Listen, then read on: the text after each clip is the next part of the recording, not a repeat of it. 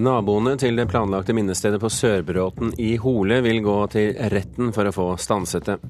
Ole Ivars inntar teaterscenen, men de har ingenting på Nationaltheatrets scene å gjøre, mener kulturkritiker.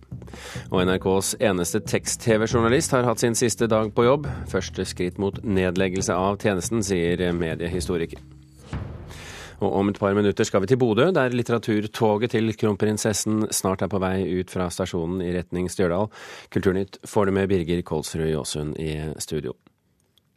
Naboene vil altså stanse det planlagte 22. juli-minnestedet på Sørbråten i Hole kommune, og er villige til å gå til retten for å få det til.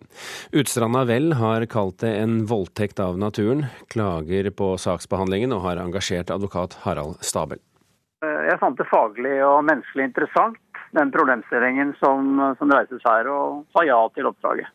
Minnestedet på Sørbråten i Hole kommune skal utformes av den svenske kunstneren Jonas Dahlberg. Det er beskrevet som et sår i naturen, en odde som skal deles i to, til minne om massakren på Utøya den 22. juli 2011.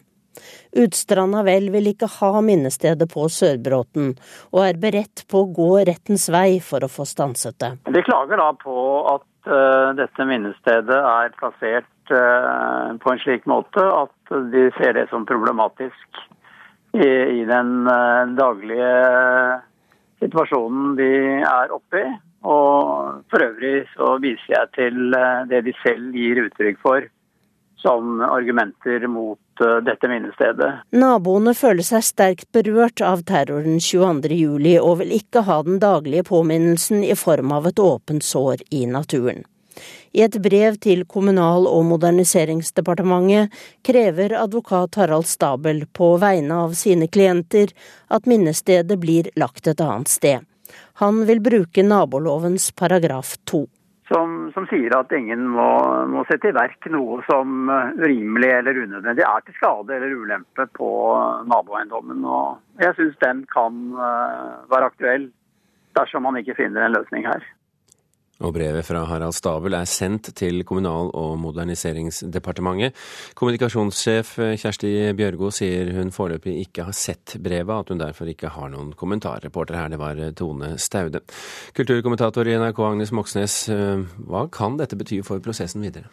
Ja, Det kan jo selvfølgelig bety at det blir en rettssak, men rettsapparatet jobber jo veldig lang, langsomt. Så, så det kan også bety at uh, advokat Harald Stabel anbefaler naboene å gå til namsretten. Både fordi dette er en hastesak, men også da fordi naboloven da kan brukes i denne situasjonen her. Men jeg tror nok kanskje en mer sannsynlig utgang, det er jo at naboene på denne måten kommer i en iallfall for dem etterlengtet dialog med myndighetene, altså i en slags forhandlingssituasjon. Men, men hva kan de oppnå, da? Ja, De har jo selv foreslått en annen beliggenhet for dette minnestedet. De sier jo at de ønsker et minnested. De vil gjerne legge til rette for det, men de vil ha det et annet sted. Og de har også pekt på hvor det skal være. Og så kan de også da være med på å finne, altså en, finne en utforming av parkeringsplasser og tilgang til, til, dette minnestedet som gjør at de selv kan bli mer fornøyd. Men det er jo store og tunge prosesser som er i gang her. Kan de vinne frem? Jeg tror det er mye som skal til for at man kan stoppe dette her. Eh, for det er slik at det er tungtveiende samfunnsmessig interesse for å få til et verdig minnested etter det som skjedde, skjedde eh, sommeren 2011. Eh, og dessuten så må man bare innse at både nabolaget og dette landskapet er blitt forandret gjennom det som skjedde 22.07. På samme måte som det har forandret regjeringskvartalet og Høyblokka i, i Oslo. Så dermed så er begge disse stedene blitt symboler for noe helt annet, og det kommer de til å være i veldig lang tid fremover. Men dette minnestedet ble jo valgt for et år siden. Hvorfor har kraften i naboprotestene kommet først nå? Ja, altså Selvfølgelig så skulle denne protesten både vært fremført og hørt mye tidligere. Eh, eh, naboene skulle selvfølgelig vært involvert på en helt annen måte i denne prosessen. Det er jo de som daglig skal leve med minnestedet, og det er de som skal ta imot dem som vil minnes.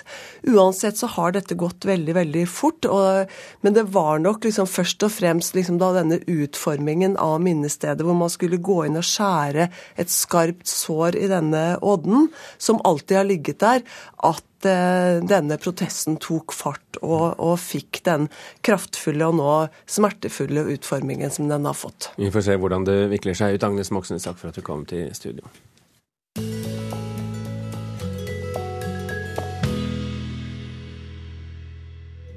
Mer enn 50 000 briter har besøkt den pågående vikingutstillingen på British Museum i London, og det gjør utstillingen til den tredje mest besøkte i museets historie. Utstillingen vises i London frem til slutten av juni, da den flyttes videre til Museum für Vor- und Frühgeschichte i Berlin. Et nytt Michael Jackson-album slippes den 13. mai. Plata Escape skal inneholde åtte tidligere uutgitte låter fra The King of Pop. Det er Timberland som er hovedprodusent, men med seg på produksjonssiden har han fått med seg det norske selskapet Stargate. Og arrangørene av dokumentarfilmfestivalen i Volda ber om hjelp fra bygdefolket for å kunne ta imot alle som vil til festivalen. Turisthotellet i bygda er nemlig fullbooket, og derfor ber festivalledelsen vollingene om å åpne husene sine for de tilreisende. Festivalen er Norges største dokumentarfilmfestival og har blitt arrangert siden 1997. I år pågår den mellom 23. og 27. juli. Kronprinsesse Mette-Marit vil få folk til å lese mer. I dag setter hun seg på toget i Bodø og skal tilbringe de neste dagene med å dele litterære opplevelser med de andre reisende til hun kommer frem til Stjørdal. Og litteraturtoget går fra perrongen i Bodø om noen minutter, og reporter eh, Kristi Marie Skrede, hvordan ser det ut på togstasjonen i Bodø nå? Her er et knippe mennesker samla utenfor ankomsthallen. Og eh, de hører akkurat nå kronprinsesse Mette-Marit eh, holde åpningstale, der hun åpner sitt eget hjertebarn, prosjektet Litteraturtoget. Rett bak denne lille forsamlinga mennesker så står toget klart. Eh, det er kongevogna som er kobla til. Eh, Knytta til kongevogna, kongevogna er ei bibliotekvogn som NSB for anledningen har innreda med kronprinsessa sine egne favorittbøker og en del annen litteratur. Så klokka halv ni går dette toget fra spor én. Hva skal skje på turen frem til Stjørdal? Kronprinsessa skal stoppe på utvalgt knippe stasjoner i Fauske og Rognane nå først. Eh, og så skal hun arrangere små litteraturarrangement der. Eh, på disse arrangementene skal folk få høre kronprinsesser fortelle om sin favorittlitteratur, og de blir invitert til å dele sine opplevelser. Og så blir folk invitert inn i bibliotekvogna eh, og inn i bibliotekkafeen, der de kan få sin egen bok. For Slottet har samla inn en del bøker som de skal gi ut til folk som kommer på besøk. Så dette her er et uh, kulturarrangement over to dager, uh, og et, et kronprinsesse med lesekampanje på skinnet. Men, men, dette handler vel mer om kronprinsessens glede over tog og bøker. Hva er egentlig hensikten her? Kronprinsessa sa akkurat nå i, i, talen sin at hun eh, har lyst til å dele sin store leseglede med folk. Og så har hun lyst til å invitere alle til å komme og dele sin leseglede med henne og med alle andre. Hun har rett og slett lyst til å sette i gang en kampanje for leseglede. Og så har hun lyst til å rette oppmerksomheten mot bibliotekene, folkebibliotekene, eh, og, og, og, og, fokusere på den kulturskatten det er. Hva, hva slags uh, bøker uh, skal kronprinsessen lese fra deg? Vet vi noe om det? Ja, på, på det første arrangementet i Fauske nå om, om, en dryg time, så skal hun lese fra 'Brødrene Løvhjerte'. Det er den eh, viktigste barneboka hun ble introdusert for da hun var, var liten. Eh, senere så skal hun lese både Shakespeare og mye annet. Og så har hun med seg skuespiller Frank Jørstad, som òg skal bidra med å, å, lese litteratur. Så høytlesing er jo en del av det, men eh, å, å snakke om litteratur og diskutere litteratur. Og en annen del. Og i kveld skal det være et eget arrangement der en diskuterer hvordan litteraturen kan takes inn i sosiale medier, eh, og, og dele eh, glede over poesi på den måten. Det blir altså en eh, togtur, Kristin Marie Skrede, som går frem til Stjørdal. Det skal stoppes i Fauske, Rognan, Mo i Rana og Mosjøen. Også Snåsa, Steinkjer også, så vidt jeg vet. Men det blir dagene fremover. Tusen hjertelig takk skal du ha, Skrede, for at du var med i Kulturnytt.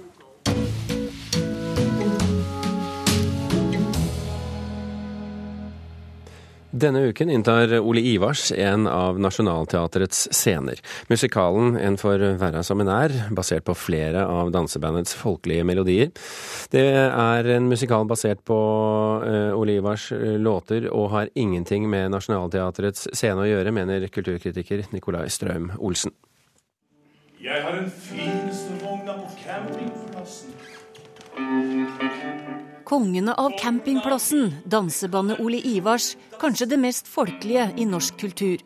Nå skal låtene deres på Nationaltheatrets scene. En ære, mener låtskriver William Christoffersen. For det, dette her er egentlig å skyve oss ganske langt opp på langstien i norsk kulturliv, syns jeg. En god idé med Ole Ivars på scenen, men ikke for Nationaltheatret, mener kulturkritiker i magasinet Kunstforum Nikolai Strøm-Olsen. Fordi eh, jeg mener at det er et eh, repertoar som i utgangspunktet er ganske kommersielt. Så de går inn i et repertoar som det burde vært mulig å tjene penger på eh, for en, et privatteater, eller eventuelt for en fri gruppe. Og når Nationaltheatret går inn i det repertoaret, så virker de konkurransevridende. Oi, oi, oi, i kveld blir det dansefest, dere! I går kunne pressen få med seg noen smakebiter av musikalen 'En forverra som en er'. En forestilling der teatersjef på Nationaltheatret, Hanne Tømta, mener de gjør det de skal, nemlig sørge for å være teater for alle. Det er jo det som er eh, privilegiet ved å jobbe på Nationaltheatret, at det er fryktelig mange som mener hva Nationaltheatret skal være, og hva det ikke skal være. Men vårt oppdrag er jo at et nasjonalteater skal være relevant for så mange mennesker som mulig i eh, landet vårt. da. Det er den nye Torshov-gruppa som har tatt tak i Ole Ivars enorme musikkproduksjon for å lage musikkteater. Og Torshov-teatret er jo ment som å være en si, opponent til hovedhuset. Gjør litt andre ting enn, enn da man får stå der nede. Så dette er jo i aller høyeste grad da. Sier skuespiller Lena Kristin Ellingsen. Vi har ei lita vogn fra 1986 de neste åra har de satt seg fore å forske på musikk og teater. Ikke for penga sin skyld, men for kunsten, sier hun. For at vi er så, vi er så små. Sånn at vi, vi, er ikke ute etter å selge billetter, vi er bare ute etter å forske på musikalsjangeren i dette lille rommet. Men Strøm-Olsen mener Nationaltheatret, som hovedsakelig lever av statsstøtte, bør være mer nyskapende enn å lage suksesser av kjente folkelige låter. Og Det gjør at alle samler seg i midten, og vi får mindre mangfold og vi får mindre variasjon i de stykkene det er mulig for publikum å se. Så hvis noen andre hadde hatt denne ideen, så kunne jo de eventuelt ha gjort det selv før. Jeg syns det blir litt pussig å, å anklage oss for å gjøre de tingene vi selv vil gjøre selv. Ja. For gutta i Ole Ivars er musicalen et etterlengtet spark tilbake etter i årevis å ha følt kulturjournalistenes harde penn. Man får seg vel kanskje en liten en på kjeften eller trynet, de som har eh, prata negativt om oss før. Det smaker veldig godt da, at man ser at noen fra kultureliten her inne i Oslo ser på det vi gjør som så interessant, at de bryr seg om å sette opp en musical om ting, vår musikk. Og reporter i denne saken, det var eh, Torunn Myhre. Klokken er 17 eh, minutter over åtte. Du hører på Kulturnytt, og dette er toppsaken i NRK Nyheter. Kundene ønsker flere og bedre tog, men NSB-styret vil sende halve overskuddet rett til statskassen. I Sverige er én person pågrepet etter supporterdrapet i helgen. Og Arbeidstilsynet får kritikk, avslører bare småtteri i fiskeindustrien, sier fagforening. I går hadde NRKs eh, eneste tekst-TV-ansatt sin siste dag på jobb. Fra nå av skal automatikken overta for publisering av nyhetsmeldinger. Selv om 12% i Norge fortsatt bruker tekst-TV en gjennomsnittsdag, tror mediehistoriker at dette er et skritt i retning av tjenestens død og begravelse. Masse følelser i gangene i NRK knytta til dette. Så eh, det kommer til å bli gravøl på mandag, det er helt sikkert. Det er ingen aprilspøk. En tekst-TV-æra er over. Fra tirsdag morgen 1. april avslutter vi den manuelle oppdateringen av tekst-TV. Da er det historie. Da er det automatikken som overtar eh, publisering av korte nyhetsmeldinger fra eh, NRK Nyheter. Sier redaksjonssjef i NRK Nye Medier, Christian Fogner. NRKs eneste gjenstående tekst-TV-ansatt har hatt sin siste dag på jobb. Så den manuelle oppdateringen der journalister av kjøtt og blod sitter og skriver eh, saker dedikert og eksklusivt for tekst-TV, det er historie. Tekst-TV ble innført av den britiske TV-kanalen BBC i oktober 1972 under navnet Cfax, eller internt teledata. I Norge ble tjenesten tilbudt første gang den 2. februar 1983. NRK har i dag utvidet sitt tilbud. Klokken 11 i formiddag startet prøvesendingene med tekst-TV. Slik presenterte NRK den store nyvinningen for folket. I prøveperioden arbeider fem personer her i redaksjonen.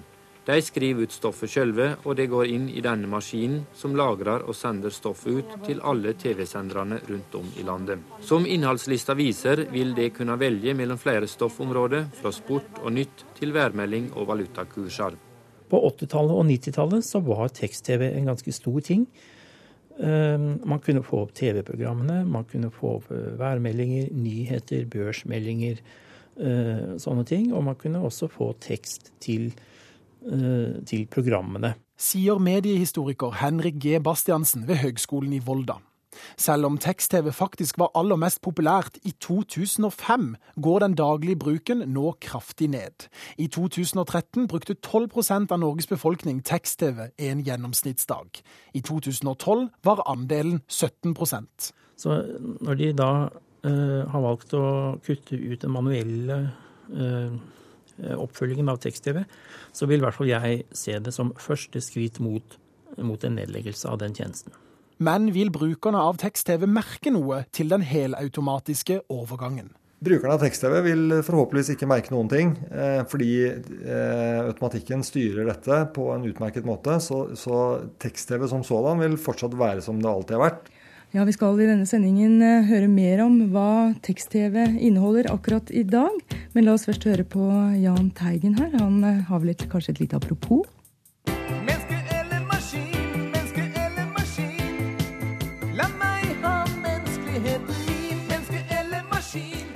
Menneske eller maskin? Et uh, hett spørsmål i begynnelsen av 80-tallet av og med Jahn Teigen, og det var programleder Anette Groth i radioprogrammet Hallo Norge fra 1983 som introduserte ham. Reporter her, det var Christian Ingebretsen.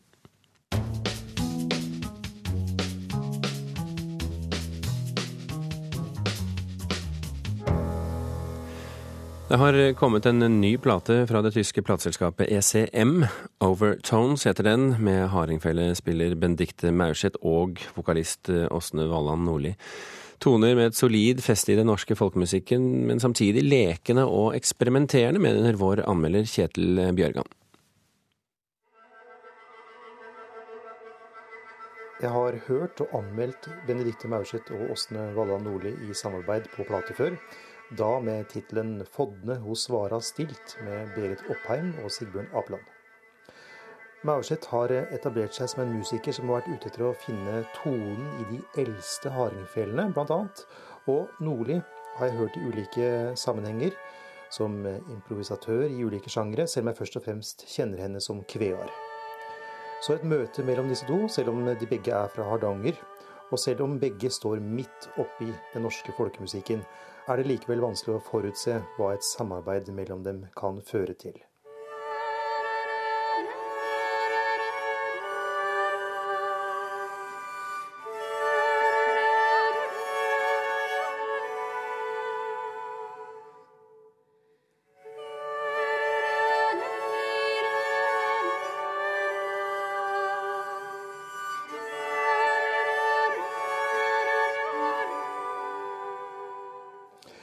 Umiddelbart hører jeg musikere som leter seg fram til nye klanger med folkemusikken som hovedingrediens. Det vil si, i tillegg til eh, tradisjonelle tekster og toner, er også en del av dette komponert. Men folkemusikken er der uansett, som retning gjennom produksjonen, spilt sammen og hver for seg.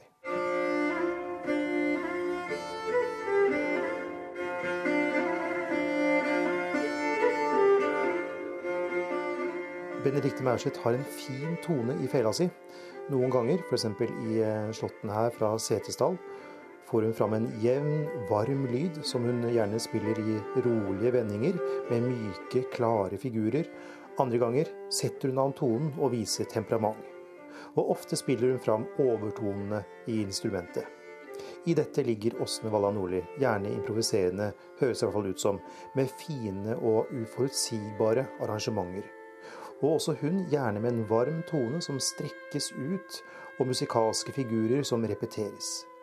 Musikken får ofte en slags leviterende effekt. Jeg ser for meg disse to musikerne lette ut i klangene de får fram, og svevende over tradisjonene der vest i Norge på leting etter musikalske harmonier og folkemusikk som kan inspirere og brukes. Resultatet er en tilstand av det eldste, bearbeida og eksperimentert med på en alderdommelig måte, men også spilt ut helt tradisjonelt.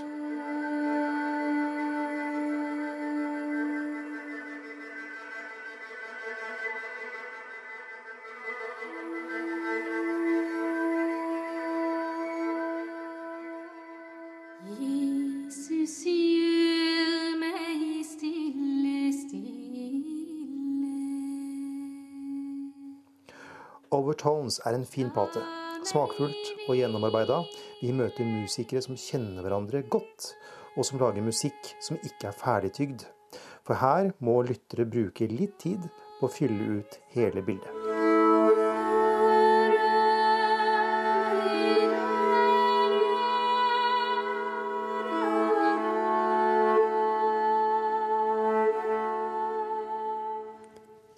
Båtsang til slutt fra den nye plata Overtones med Benedicte Maurseth og Åsne Wallan Nordli, anmeldt av Kjetil Bjørgan.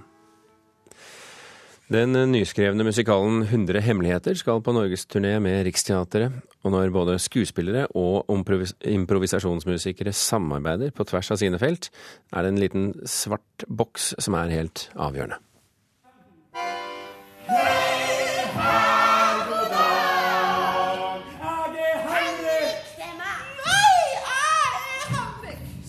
På hovedscenen ved Trøndelag Teater står skuespillere og sangere side om side.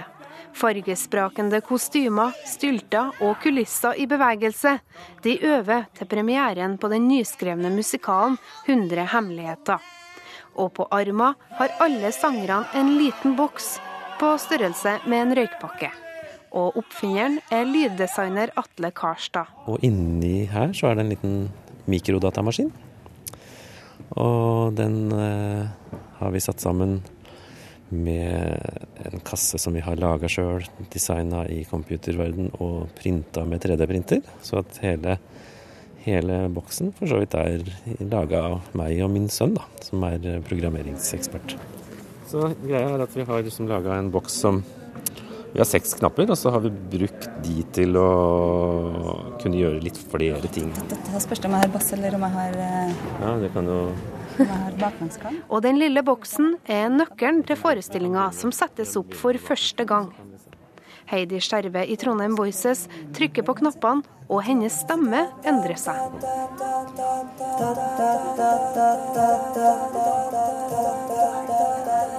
Skal du høre hva som skjer hvis det vil være litt skummelt?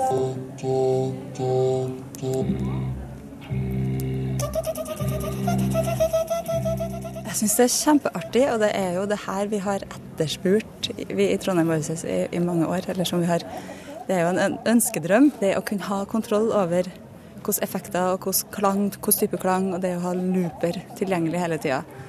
Det, det er kjempestas, altså. All stemmefordreining kan Heidi gjøre ved å trykke på en knapp. Og det betyr i praksis at hvis det her skulle bli kjempepopulært, så har Atle gjort seg arbeidsledig. Jo, men det er jo fint, det. Hvis vi kan det må jo videre på et eller annet vis, og det er jo ikke så mange skomakere igjen. Men de som, de, de som fremdeles er skomakere, de er veldig bra.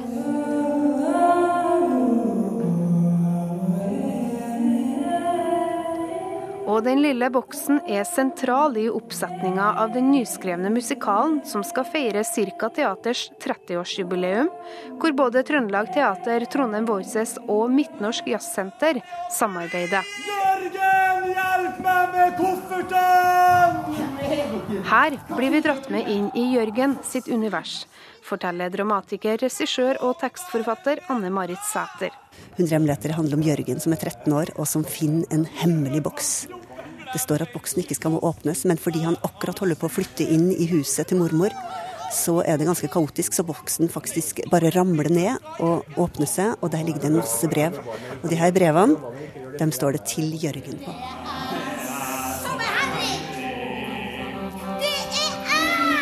Og til høsten tar Riksteatret med seg 100 hemmeligheter ut på norgesturné. Den lille boksen blir med, og får oppleve både små og store scener i Norge.